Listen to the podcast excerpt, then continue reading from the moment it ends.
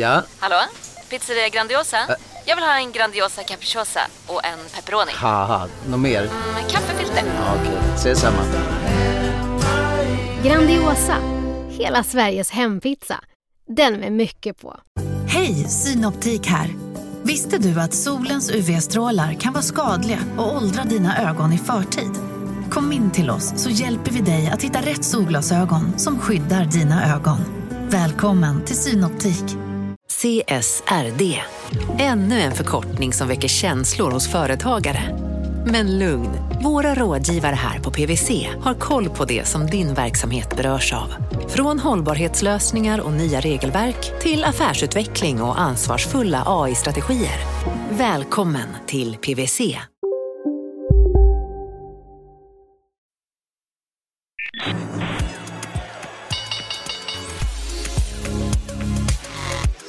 Här är Affärsvärlden med Helene Rådstein. Hej och hjärtligt välkommen till podden Affärsvärlden där vi varje torsdag fördjupar oss i affärsvärldens journalistik. Jag heter Helene Rothstein och jag sitter här nu med Johan Eklund som är börsreporter och analytiker på Affärsvärlden. Välkommen! Hej Helene, kul att vara här. Och det är kul att du är i Stockholm nu. Det är roligt att vara här hos kollegorna. Vet du vem som har varit, varit här? Det vet du, eller hur? Jag vet vem som var eh, här som huvudgäst för, för den här podden. Ja, det är Fredrik Karlsson som är före detta vd för Lifco. Herregud, men det är lätt att säga fel fortfarande. Absolut, namnet är ju väldigt förknippat med, med Lifco i börssammanhang nu. Och jag tänkte bara, eh, om vi går igenom bara lite snabbt eh, här och sätter det i ett sammanhang så tänkte jag att de här konglomeraten som Lifco är ett exempel på. Det finns ju liksom ett gäng utav dem kan man ju säga. Absolut, och de, de blir ju dessutom allt eh, fler på börsen. Mm.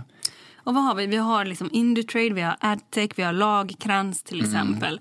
Vad kan man säga om... eh, De, de är ju eh, ganska långvariga ändå i sammanhanget. De är ju teknikhandlare, brukar man kalla dem, förvärvande teknikhandlare. Så det, den enda gemensamma nämnaren är väl att de, de är ju väldigt förvärvsintensiva och de är duktiga på förvärv. Och det som skiljer dem från vanliga liksom förvärvsväxande bolag, typ Assa och Bloy eller liknande, det är ju att de kanske inte är så nischade på någon viss produkt eller, eller smal bransch och att de inte integrerar så hårt. Alltså de, de försöker inte att sätta Assa-stämpeln på alla sina småbolag som de har köpt utan de låter dem lite eh, växa vidare decentraliserat i fred och försöker ge dem lite mer stöd istället för att vara den här stora jätten som sätter sin stämpel och, och gör stora omstruktureringsprogram en gång var tredje år eller så. Det har väl gått eh, ganska bra för flera utav de här teknikhandlarna på börsen kan man säga de senaste, vad är vi inne på, 20 åren? Ja, verkligen. Ja, om, om man smetar ut över konjunkturerna så de mer framgångsrika, det blir ju lite framgång föder framgång för att de, de får ju bättre villkor på att låna pengar och de, de kan ta in pengar från aktieinvesterare i emissioner emellanåt om de vill.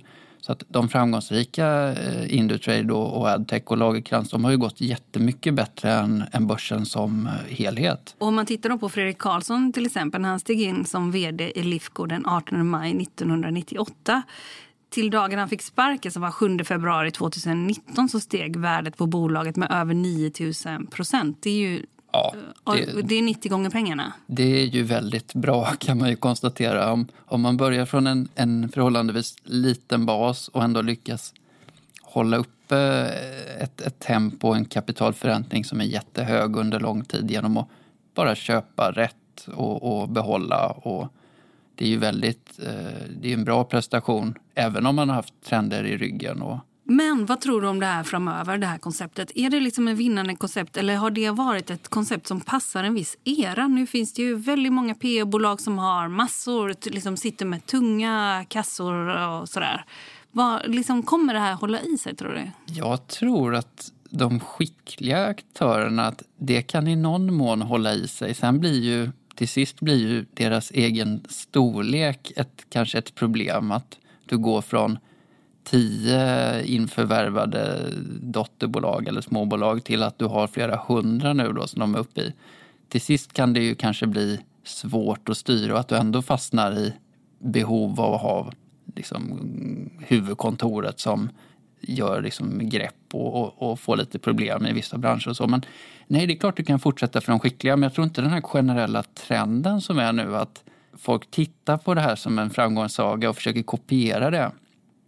Jag tror inte den trenden kan pågå särskilt länge till för att bara för att man säger att man är en smart förvärvare och att man tror sig ha hittat en, en nytt småbolagssegment som är lite billigt men ändå missförstått.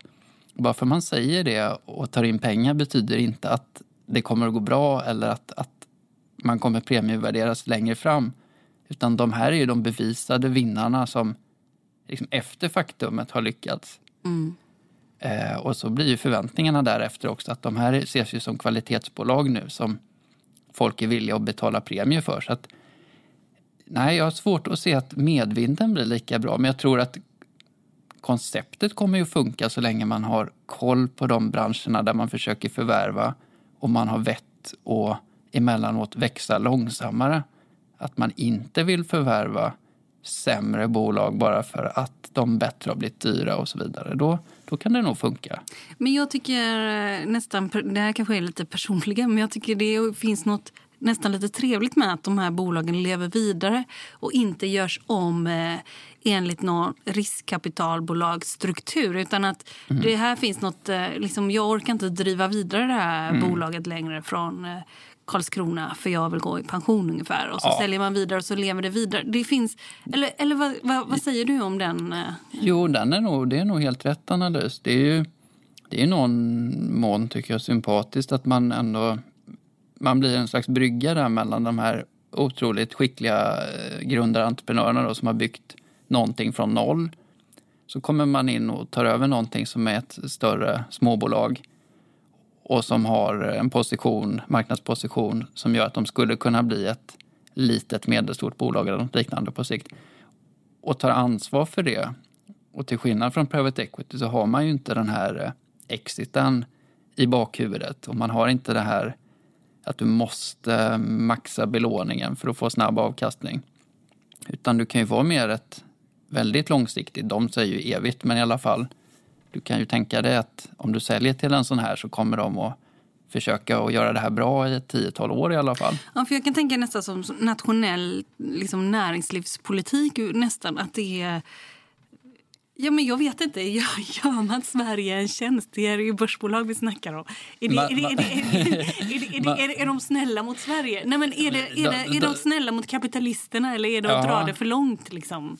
De gör ju entreprenörerna en tjänst genom att stå där som villig köpare för, för ändå någon slags eh, rimlig värdering på 6, 7, 8, 9, 10 gånger någon slags rörelsevinst. Och det, det är väl bra. Det är inte självklart att, att det finns andra köpare i alla tider som, som vill ha småbolag. Särskilt inte om det finns cykliska inslag. Det kan ju vara mm. omöjligt att mm. sälja då mm. på en, på en, i en svacka. Mm. Så då har du ju de här som ändå kan som har ett tålamod och, och, och resurser och, och, och, kunna ta en hel del svängningar. Mm. De balanserar ju ut lite genom att ha många eh, branscher med. Så att en tillfällig svacka i ett segment behöver ju inte betyda att helheten går uselt. Mm. Så jo, jag, jag tycker väl de, de fyller en viktig funktion. Men om, om, om vi tar Lifco som ett exempel på en, en, om vi räknar in dem bland de här lyckade då, givetvis, om vi räknar in den onoterade tiden också bakom, eh, så har det ju kommit ganska många. Det har kommit Volati och det här Christian Berner och nu kommer något som heter Technion som är lite mindre. Ja, det kom nu i april va? Ja, de har vi tyvärr inte analyserat i tidningen än men det kan hända att vi gör någon gång framöver.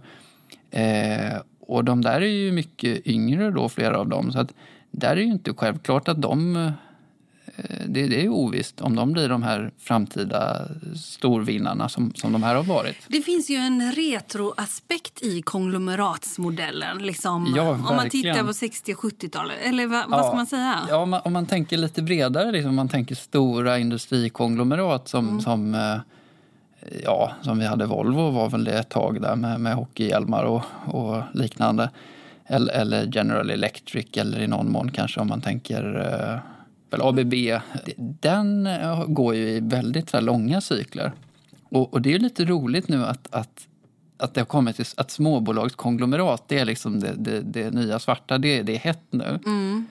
Eh, medan då i perioder så är det ju verkligen motsatta tendenser. Att, Nej, men, att man, man, ska avyttra sig smal och, och supernischad och fokuserad. Det här är ju liksom mer vi, vi strösslar pengar brett över sånt vi tycker är bra. Sen låter vi det bara vara. Mm. Det, det... För, för, men för egentligen kan man ju säga att den här småbolagskonglomeratsmodellen, mm. det är väl ett jättehärligt ja, ja. ord. det, det, är ett långt, långt härligt ord. Rubrikvänligt ord. Att, men den, den trenden går ju faktiskt parallellt med de här carve, carve Vi ja. har ju Autoliv och Veoneer och vi har Atlas Copco och mm. Epiroc och vi har SCT och SCA. Så det, har ju också, det är ju faktiskt inte så att en era ersätter den andra, men på storbolagssidan där, eh, sker, liksom, där finns en renodlingsiver kan ja. man säga, fortfarande. Eller? Ja, renodlings och, och uppdelningsivern finns där. Där, mm. där kan liksom... Eh, ja, då, då, blir ju, vad blir det nu då? Eh, två, ja, delat på två, alltså mm. Mm. det blir tre. Mm. In, in, inte ett strunt samma. Det blir, där, där, får du mervärde på att dela upp för att då, då anses det att, att eh, de här eh, rätt stora bitarna som ändå blir att de får bättre självständiga fram, framtider och mer fokus och kommer ur det här eh, tröga storbolagskostymen de har fastnat i. Medan här då, här är det ju lite mer oklart. Här är det väl mer kanske att okej, okay, de här bolagen har nått en viss nivå, entreprenören vill göra exit, generationsskifte och då ska de här bolagen då ingå i de här små konglomeraten. Det är ju inte givet att det där blir superbra på, på väldigt lång sikt, även om de här bevisade vinnarna har visat att det går. Men att det här som helhet ska gå och kopiera i hur många kostymer som helst som gör liknande saker, det, det är ju inte självklart, utan det är ju kanske lite som, som de var inne på med Lifco, någon slags fondtänk nästan. Att mm. Ja, han pratar ju om det här, Fredrik Karlsson. Eh, att eh, Lifco, liksom, han, har, han, han är ju fortfarande liksom stor. en eh, stor, hyfsat stor hyfsat för att vara privatperson numera, ja, aktieägare. Men det kan ju vara ett sätt att se på det. Alltså om man ska tänka för en utomstående privatsparare att okej, okay, vill jag investera i, i små nordiska bolag mm. och få en spridning, eh, då är ju det här duktiga människor som räknar på sådana här bolag hela mm. dagarna och mm Mm. Och förhoppningsvis skiljer de bra från de mm. mindre bra och, mm. och, inte betalar för mycket. Det, mm. det är ju rimligt. Mm. Eh, men där kan man ju fundera lite kring på sikt då, som i USA, att det ändå finns en private equity-marknad för mindre bolag, alltså riktigt små bolag. Att du ger ut lån och så till dem. Och det skulle ju kunna öka konkurrensen här ganska mycket och det är väl det är kanske bra på kort sikt då att folk vill ha ens småbolag men om, om man inte tänker sälja dem utan man ska hålla på och nettoförvärva, då kommer man ju någon gång behöva betala mer då. Eller gå ner i kvalitet.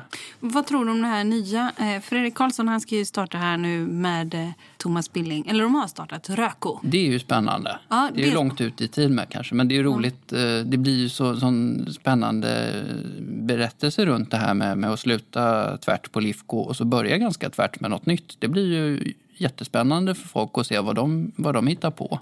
Vet du vad vi gör? Vi lyssnar på intervju med Fredrik Karlsson, före detta vd från Lifco. Den kommer här. Marknaden sponsras av SPP, pensionsbolaget. Eh, förra gången pratade vi lite om ITP. Och som en kort repetition så, så var det ju 70-tal. Arbetsmarknadens parter bestämde att alla tjänstemän ska ha en tjänstepension. Man kom överens om vilka villkor som ska gälla i den här pensionen och så kallade man den för ITP. Så jobbar man idag som tjänsteman i ett företag med kollektivavtal, då har man förmodligen den här pensionen, ITP-pensionen. Eh, och det är ju så att man kan påverka eh, den här pensionen, hur den är placerad. Vart femte år så gör nämligen Collectum, som de heter, en enorm upphandling där olika pensionsbolag kan ansöka om att få förvalta eh, de här pensionerna. Och SPP är ett av bolagen som valdes ut i den senaste upphandlingen. Och sen kan du som pensionssparare välja eh, vilket av de här olika pensionsbolagen som, som då ska få ta hand om dina pengar. Och tanken med den här upphandlingen det är ju att liksom kvalitetssäkra de här olika alternativen eh, men också att förhandla fram stora rabatter så att pensionsspararna ska få, ja, kunna spara pengar genom att avgifterna eh, som är så viktiga eh, blir eh, lägre. Och vill man välja någonting i ITP-systemet då finns det en relativt ny sajt som heter avtalat.se. Ehm, där kan man gå in och se hur sin ITP-pension är placerad. Jag gjorde det häromdagen faktiskt. Ehm, idén är att hälften av pengarna alltid ligger i något som kallas för traditionell försäkring. Det här gjorde vi ett avsnitt om i podden Kapitalet nyligen eh, som vi kallade världens bästa sparform. kan man lyssna på om man är intresserad. Eh, den andra halvan eh, den kan man också lägga i en traditionell försäkring eller så kan man placera det i något som kallas för fondförsäkring. Eh, SPP som sagt eh, var ju ett av de fåtal bolagen som valdes ut i den senaste upphandlingen och de finns med som alternativ både med en traditionell försäkring och med eh, fonder. Så det var en liten bakgrund till ITP-systemet. Vill man läsa mer om det här eller typ kolla hur ITP-pensionen är placerad, eh, kanske göra förändringar, då går man in på avtalat.se men tack säger jag till SPP som vill göra oss människor mer medvetna om hur enormt viktig pensionen är för oss som en framtida lön, men också som en positiv kraft i samhället eh, och förstås för att ni möjliggör eh, den här podden Marknaden.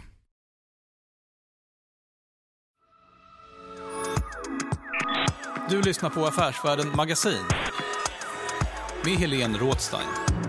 Känns som är det här spottskydd? Eller? Ja.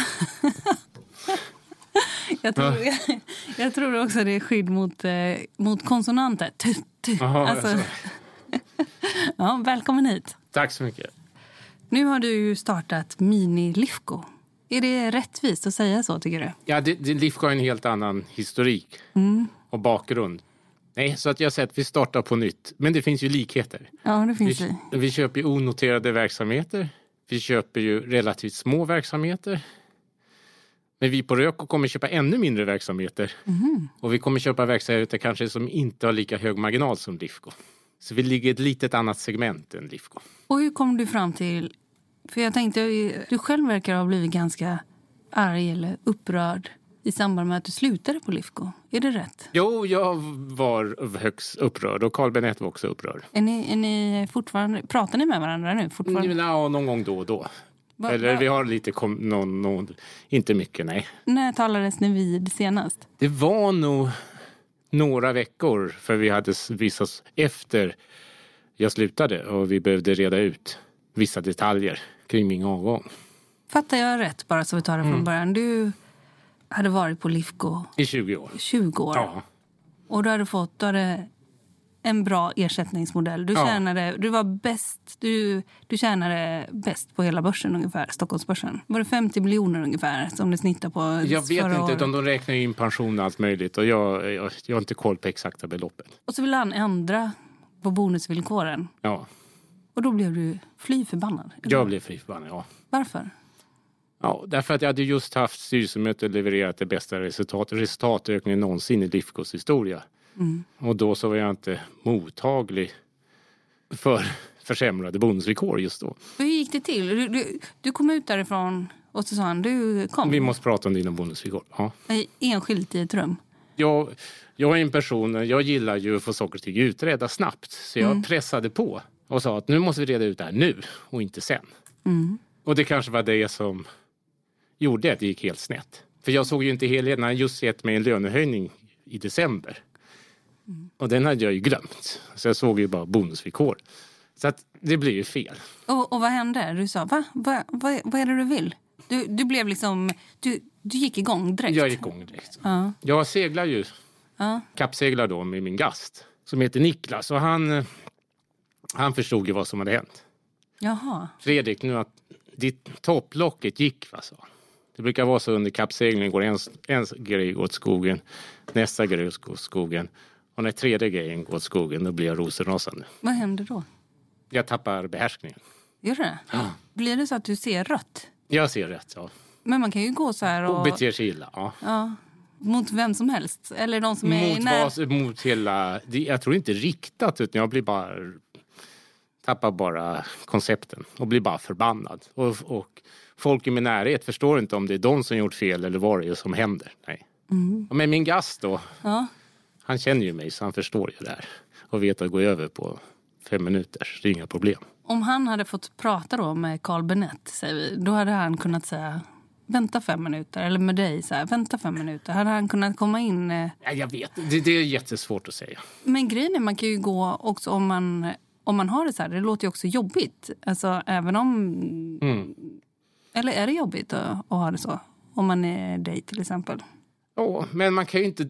Man har sin personlighet liksom. Och jag tycker, det här dyker ju fram väldigt sällan. Mm. Det kan ju gå år utan att topplocket brister. Mm, jag fattar. Ja. För, för, här, om, för här, om man tar med de här bonusvillkoren, då i grunden så finns det också något, någon orättvisa verkar det som. Att Nej, liksom- men problemet är att jag skulle aldrig göra så mot mina egna anställda.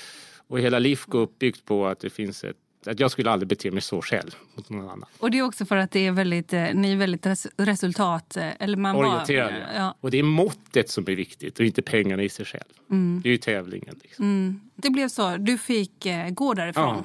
Du, du fick sparken. Ja. Och en chock.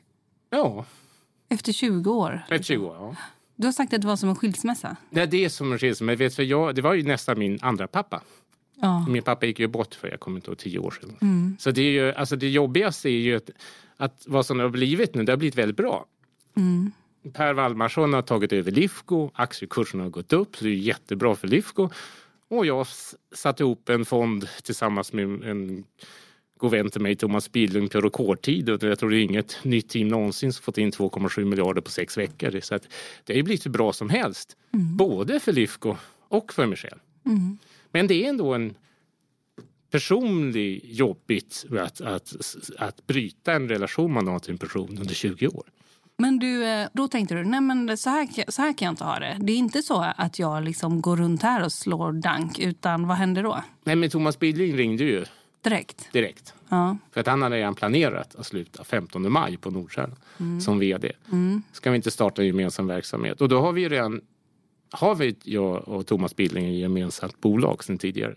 Mm. Vi äger ju Nordens ledande bolag inom båttillbehör, försäljning av båttillbehör. Mm, vad heter det? Är det H? Vad? Hjärtmansgruppen. Ja, Men Hjärtmansgruppen. där- Men Ja. där ingår också ett norska Maritim och, Mm. och ett svenska CC också. Mm. Och då så ringde han upp dig och sen så började ni gå ut och eh, ragga in kapital helt enkelt.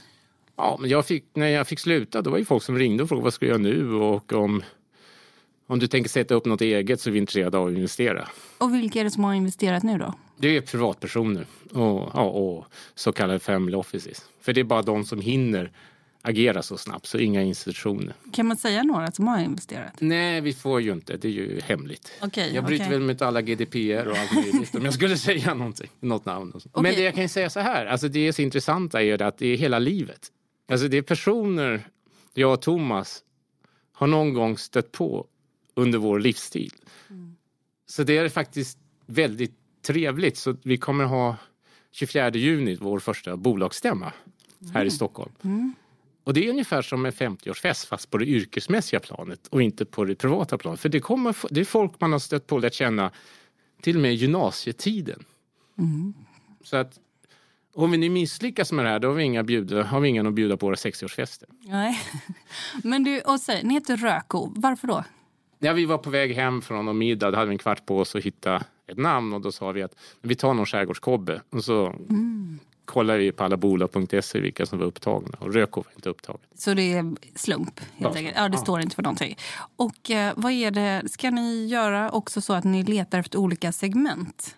Alltså om man tänker så här mini-Lifco? Nej, nej, nej, nej, nej. Vi, vi, vi, vi ska förvärva i bolag som vi tror att vi förstår eller har erfarenhet av. Mm. Vad letar ni efter? Mer konkret. bolag som tjänar 10 till 60 miljoner kronor ungefär Mm. i resultat Mm. och som har en bra position i en liten nisch. Och det kan vara vilken nisch som helst. Vilken nisch som helst. Och det måste ha en bra finansiell historik, alltså de ska tjäna pengar. Och så. Och vad är målet? Liksom, om ett år då ska vi ha förvärvat så här många? Ja, vi, på tre år, bo- 20-tal bolag på tre till fyra år. 20-tal bolag Ja. tre till fyra år. Mm. Vad sa du nu? Hur, hur mycket pengar behöver ni då totalt? Men säg att vi investerar både liksom eget kapital och lånade pengar, cirka Ja. 5 miljarder. Men hur mycket kapital har ni fått in? Ja, vi har fått in, eh, alltså det blir ju klart på fredag tror jag, om sist, sista chansen då. Eller då ska alla papper vara klara, så på måndag vet vi exakt. Då. Men det är drygt 2,5 miljarder. Mm. Nu sitter ni, ni Ja. hy- hyr in er i en eh, M&A låda på stan kan man Mm. säga, hos en kompis till dig. Ja. Och det är inte så dumt, för de kanske har koll på vilka bolag som är till salu. och sådär, Men det kanske bara är en slump. Nej, men det vet de har ju bara några, några bolag. Sannolikheten att just ett bolag de har till att vi skulle köpa det är väldigt liten. Ja, okej. Ja. Vi, vi, Det är det att de sitter nära Arlanda Express Ja, och de- Centralen. Ja. Och då kan vi snabbt traska ner och åka ut och besöka ett bolag. Mm. Det är det viktigaste för oss, att vi kommer ut och kan besöka bolag. Så vi, så, så vi, ska, vi måste sitta där. Hur många bolag har ni besökt hittills? Eh, För, för vad är vi? På två, tre månader? Ja, en tio, fem, tio, tiotal bolag. Vi kanske varit inne i en femtontal diskussioner, besökt ett tiotal bolag. Men vi har, vi har inte satt igång än. Nej. Utan det är bara lite grann som har dykt upp sådär. Vi har ju nu försökt säkra kapitalet. Mm. Så det är egentligen först nu vi börjar. Men ändå, det är ändå många ute. Och är vi, pratar vi i första hand svenska bolag? Eller är vi Ja, nu i... här initialt så har vi ju inte hunnit så mycket. Nej. Lite norska också. Då. Ja, lite norska. Och- och också är rederi... Ja, det, det är det som är enklast. Man behöver inte flyga så långt. Och, Men hur är det då där Mm. ute? Alltså för konkurrensen och för att förvärva liksom Ja. mindre bolag och äga Mm. dem eller utveckla dem. Den är ju ändå, alltså private equity-bolagen har ju, sitter ju med Mm. ganska fulla kassor. Det finns ju många Liksom, eh, Mm. Och om man ser det som en alternativ investering finns det ju ännu mer pengar där Ja. ute. Hur ser den konkurrensen ut då? ja, den, är ju, den är ju tuff, så att säga. kanske tuffare än någonsin. Men det är så att vi, vi kan erbjuda ett långsiktigt ägande. Vårt, de här bolagen vi köper in till Rökon, de kommer vi ju behålla för evigt. Mm. Och många familjeföretagare de, de tycker om den tanken. De, de vill veta att, till exempel, att bolaget blir kvar på orten eller något sånt där. och De anställda är kvar där. Och, och att det inte bara plötsligt säljs efter tre år till någon annan och vet inte var det hamnar. Så där har vi en fördel. Men det finns ju många bolag som, det finns några bolag som ju erbjuder det här också. Och fördel nummer två är att jag och Thomas Billing vi har ju investerat i ja, 60 år tillsammans. Så vi har enormt mycket erfarenhet. Jag tror inte det finns, om man ska ta ett par människor i Norden tror jag inte man hittar någon med mer erfarenhet av att investera i små bolag. Och det, fördelen med erfarenhet är att vi kan se skogen förtränas. Alltså vi fastnar inte på små detaljer. Vi kan genomföra affärerna relativt snabbt. Och vi kan skapa trovärdighet och vi förstår vad entreprenörer och familjeföretagare pratar om. Och det förstår du eh, tack vare erfarenheten från Ja. Lifco. För hur många bolag var det? Var det 140 Ja, 140 bolag? bolag. ja. Men det var i 40 olika branscher kan man säga. Ja. Men, eh, och eh, kan man kalla det för en konglomeratbyggare? Ja, vi, vi, ja, vi. Nordstjärnan är också konglomerat. Vi är Ja. båda konglomeratbyggare. Ja. Vad är vitsen med... Alltså det finns ju liksom olika trender på börsen. Som jag fattat det så låter ni bolagen vara. De får växa för sig själva. Ja. Och sen man, det finns ingen... På Lifco eh, fanns det ingen riktig mellanchef. Nej, vi har inte det heller. Utan det är viktigt att man måste bygga på att, att, att värdeskapandet sker ute på bolagen. Det är frihet under ansvar. Och det här är ju någonting som... Det är ju, det är ju väldigt svenskt det här. Du vet den här typen av bolag som Lifco, Indutrade, Adtech. De alla växt upp i Sverige. Det finns väldigt få internationellt, men just i Sverige finns det här. Då kan man ifrågasätta varför är det så i Sverige. Men på något sätt, vi har ju kommit väldigt långt där man tror på människan. Alltså man ger människan ansvar och tror på att människan kan leverera på det. Jag vet inte om det hänger ihop med att vi hade väldigt många friägande, självägande bönder på medeltiden. Jag vet inte var traditionen kommer ifrån. Någonstans så finns ju här tro på individen och tro på människan. Att vi litar på andra människor. Jag tänker också ute i Sverige. Finns det liksom fullt av bolag fortfarande där det sker ett generationsskifte? När man Ja, inte det- vet vad man ska det är göra alltså det, det, är som, om det segmentet där vi letar i bolag till 60 miljoner. Mm. Det kommer ju upp bolag nu hela tiden. Mm. Varje år dyker det upp som, som växt, som har varit pyttesmå från början och så börjar få lite stabilitet. De, så det är inte så att bolagen tar slut. Du vet, det är precis som i skog.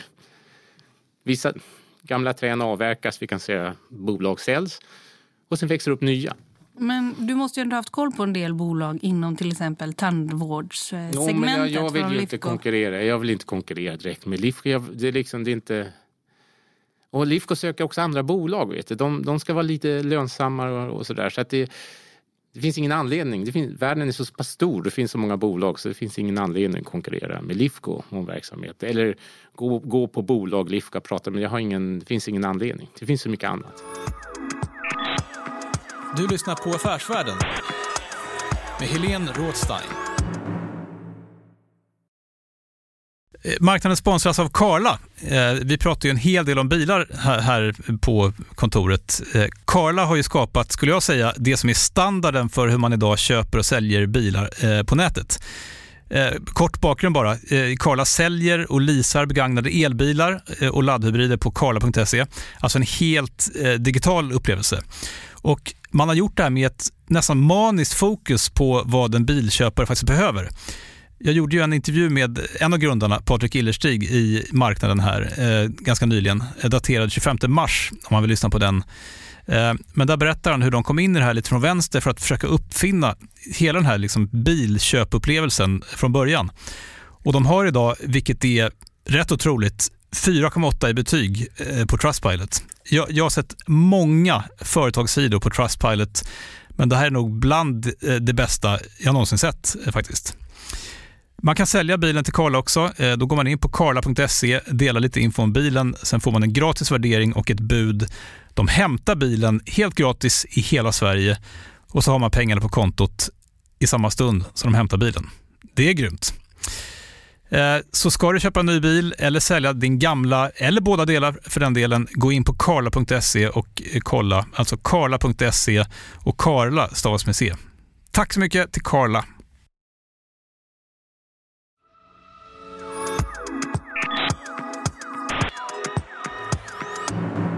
Om man tittar tillbaka vad du har åstadkommit på Lifco, mm. det, vad är du liksom mest eh, stolt över, över dem, eh, om du tittar tillbaka 20 år? Du har ändå lyckats bygga upp, får man väl säga, eh, under dig ett ganska stort bolag. Mm. Ni var väl först noterades, avnoterades man väl och sen tillbaka ja. till börsen igen. Vad är du mest liksom nöjd över? Nej, men man kan titta tillbaka här efteråt så är det mm. ju så att när man då ska börja bygga upp igen, mm. då tittar man på vilken otroligt stark organisation Lifco har. Alltså de medarbetarna som finns på Lifco är ju fantastiskt, fantastiskt duktiga människor. Och det där har ju vaskats fram över 20 år. Det är ingenting man kopierar över natt. Liksom. Mm. Så det är en otroligt, otroligt stark organisation. Tänker du på alla ute i bolagen? Eller tänker du, när du tänker här nu, är det också det lilla ja, men det huvudkontoret? Är fan, alltså dels uppe på huvudkontoret, alltså de, mm. ja.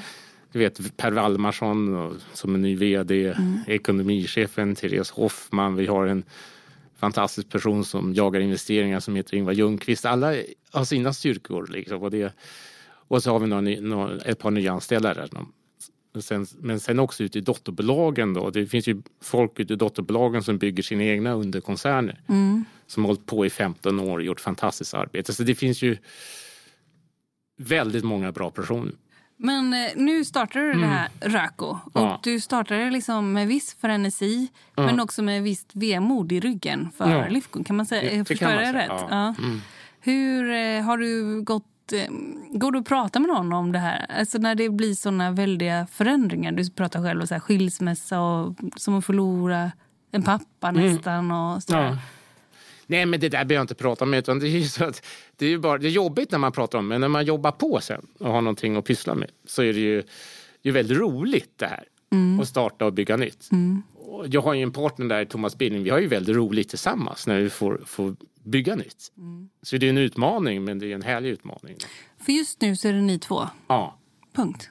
Punkt, ja. Och så mm. håller vi på den här veckan ska vi få till, eller i varje fall, så nu innan sommaren ska vi få till en tredje. Mm. Och sen ska vi få till en tysk här. En tysk? Ja, för att hjälpa oss söka bolag i Europa, mellan Europa. Ja, okej. Okay. Mm. Mm. Jag tänkte bara, den mm. modellen som eh, du har haft mm. där på Lifco där du mm. fokuserar stenhårt på resultat, det är det som räknas, ja. punkt. Ja. Det är en filosofi som du tar med dig in. Inga powerpoint, ingen vd som kommer nej. med powerpoint-presentationer. Inget, eh, man ska inte kunna snacka sig till liksom, en karriär. Nej, nej, nej. Alltså, man, ska, ja. man, ska, leverera. Ja, man ska leverera. Punkt slut. Ja. ja. Hur märker du av om någon kommer leverera eller inte? Man kan ju ha haft tur också. Ja, men tur är ju rätt så intressant. Då. Ja. Napoleon, han, han tycker jag är väldigt bra. Han vann ju 86 slag, så han var väl, var väl dåtidens Turgubbe. Turgubbe då. Han anställde bara folk med tur. Och sen så läste jag en bok här. Och då är det visst hummern har överlevt 350 år. Mm. Och när och humrar, när de vinner och har sina revir och kämpar om, då har det visat sig att det, finns något mer som heter serotonin. Så när man har tur och vinner en hummerkamp, ökar serotoninnivån, det vill säga självförtroende och självkänslan ökar hos humrarna. Mm, och det, det gör den hos oss också. Så att så tur är faktiskt en viktig komponent. För det föder självförtroende och självkänsla. Inom vår bransch så heter det också att en duktig reporter har tur. Mm. Hur kunde du runda avspärrningarna runt Utöja? Ja, men vi åkte... Vi hittade den här båten Ja. som åkte ut i skärgården. Ja. Det blir lite makabert exempel på tur. Men Ja. liksom man hittar något Vägar. kreativt. Ja. Vägar, ja. ja. När vi tittar på ett bolag och så, så möter jag en företagsledning. Jag känner ju... Dels så tittar man på siffrorna, vem är det som har levererat? Och sen så möter man en person, då känner man det på en gång. Alltså det tar bara tio minuter. Hur känner du det? Du känner... Det känner jag i magen. Ja. Och sen när man känslan stöds av siffrorna, ja då är det ju då är det inte så svårt. Nej, men man kan ju tänka att ni har ju en del eh, i bagaget som gör att eh, det, det- det kommer ju bli intressant att hålla koll på er. Det är onoterade mindre bolag som ni ska köpa och även ute i Ja. Europa också. Då. Ja. Eh, är målet på sikt att eh, hamna på börsen? Ja, om tio år har vi sagt. Om tio år? Det, det är ganska lång tid. Jo, men vi, vi, vi, har ingen, vi, vi, är lång, vi är långsiktiga där också. Vi har ju ingen stress att säga. För det här, Thomas Billing och jag, det här är vårt sätt att förvalta vårt eget kapital. Och, För du har kvar alla dina Lifco-aktier. Är det 150 miljoner ungefär? jag vet inte exakt vad det är, jag inte räknat på. Men det är en halv procent ungefär av bolaget. Varför har du kvar dem där då? Jag tycker Lifco är ett jättebra bolag. Men alla mina likvida tillgångar har jag stoppat i Röko. Då. Ja, för jag såg på Holdings att det enda som är registrerat i ditt namn, det är Lifco som är på börsen. Ja, Du har inte funderat på att investera liksom några andra börsbolag? någonsin? Nej, jag tycker, jag förstår mig inte. Jag, jag försökte ju ha en eh, börsportfölj vid sidan av Lifco i min passion, men jag, jag har givit du- upp. Det funk, de går ju inte lika bra som Lifco. Okej, så att... Nej, men Lifco har, Vil- vil- vil- vil- Lifco har en väldigt bra modell och det är bra personer. Jag tror på Lifco. ja. och, och, och vilka bolag var det då som du försökte bygga upp en pensionsportfölj med? Nej, men jag köpte en slump av bolag. Det blir liksom inget bra. Jag köpte några aktiefonder, det blir inget bra heller. Lifco är ju en aktiefond för småbolag. Mm, Onoterade småbolag. Ja, eh, ja, ja precis. Ja, men, ja, Så men, det är en bra aktiefond. Ja, ja precis. Och, och det kan man ju säga att, nästan som synonym till konglomerat kan man ju säga att Det det är är en fond. ja. På ett sätt. Så jag har en riskspridning i Lifco. Ja. Men vad jag skulle vilja, eftersom alla de här bolagen går bra. Så man ska Alltså- vara politisk, jag ska lägga in en politisk ja, kommentar. ja. Så, så det här med svenska, att lita på andra människor och småskalighet.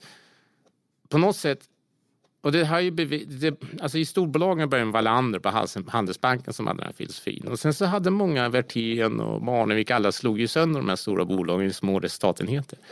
Sen kom en period och då gjorde man, försökte man vrida tillbaks klockan. Det var på Volvo och Sandvik där man hade centraliserare. Och det ju, gick ju inte så bra. Och nu har man decentraliserat där. Och jag, eftersom svenska staten, eller det offentliga, är ju väldigt stort i Sverige. Jag tror det skulle vara enorm, vinna enormt mycket på att decentralisera inom offentliga förvaltningen. Och just nu så är det lite skrämmande för jag tycker att allting håller på att centraliseras där. Jag ser ju också att människor trivs ju och mår bra. De slutar ju inte på livet, de trivs och jobbar med frihet under ansvar. Om man tittar på, på länder, det är de små länderna där de världens lyckligaste människor bor. Det är inte de stora länderna. Så det här med småskalighet skulle jag vilja ett stort slag för. Alltså på- inte bara pengar utan också att människor trivs. Alltså jag, om man ska pr- prata politik, jag är lite orolig för EU faktiskt. Därför vi hade ju Sverige ett litet land. Vi har ju haft, när man skapar nya lagar i Sverige, så har det gått ut på remiss. Och så har fått en massa människor tycka. Och då har man gjort, liksom, även om tanken med lagen har varit väldigt god så kanske den har varit praktiskt ogenomförbar. Och det har man nog skalat bort det värsta. Genom vår remissapparat i Sverige. Och det här blir ju ett problem då när det ska göras över hela EU. Det går ju inte att få det att fungera så bra. Och därför blir de här EU-lagarna mer teoretiska och krångliga och onödigt byråkratiska. Man, det jag drabbas av det är något som heter MAR, som är börsregler, och GDPR. Men det är så insiderhandel. Det är nog insiderhandel. De har Ja. jättemycket papper man måste fylla i och det har inte blivit bättre. Och folk verkar inte vara medvetna om vad vi håller på och skapar. Liksom. Alltså, Alltså den här- administrativa monster. om, om du hade varit EU, vad hade du gjort? Ja, först så hade jag tänkt att ja, men det är för folk är lyckligare i stater upp till 10 miljoner. Det har ju slagit sönder England och Frankrike och, och Tyskland och Italien i små länder. Ja. ja. Ja, Det är det första med hade 10 gjort. miljoner ja. i varje. För vi behöver inte båda ha... Jag har ju bott i Tyskland. Ja. Och Bundesländer är väldigt starka. Det finns ju en stark decentraliserad Tyskland. Så jag skulle slagit sönder Tyskland i tio stater. Mm. Sen skulle vi ta bort det där Reichstag, alltså det här tysk, Deutsche Nation, ta bort det liksom. Och sen haft ett EU som hade väl, ja, men väldigt, de ska inte göra mycket men det de ska göra ska vara extremt väldefinierat. Och det ska inte ändras på så ofta. Det hade varit ganska radikala förändringar du hade åstadkommit? Eller? Ja, men om vi skulle köra med insurin på, på, av, på, av, på Europa så skulle jag köra så. Mm. Och då har vi haft ett litet huvudkontor i Bryssel med fyra anställda. Du, jag tänkte på, du sa här att du kappseglar och så. Ja. Eh, ska du ut och segla någonting i sommar? Ja, det Var? blir, en del segel. Ja, första stora, det är, jag seglar ju katamaran, det är VM nere på, i Spanien. Då. Och sen ska vi, jag och familjen, vi hyrt en båt, eller två familjer, vi hyrt en båt. Istället för att cruisa så ska vi kappsegla. På mm. Ja, och sen så har jag min stora grej, vi har en skärgårdskappsegling som vi gör varenda augusti också med de här katamaranerna. Det är tre stora, tre stora händelserna i sommar. Är det affärs... Det är ingen som kommer på det här 50-årskalaset? Nej, de är inte investerade i 60-årskalaset. De de, det, det är faktiskt bra. De, om jag misslyckas med Röko så kan jag bjuda dem på 60-årskalaset. Ja, exakt. Okej, jag säger tack så mycket till dig Fredrik ja, Karlsson för att du kom hit. Du har lyssnat på en podd från Affärsvärlden. Jag heter Helene Rothstein. Mer fördjupande journalistik om näringslivet finns både på nätet och i Sveriges äldsta och faktiskt bästa affärsmagasin. Du hittar oss enklast på affärsvärlden.se och podden, den är tillbaka om en vecka. Håll ut!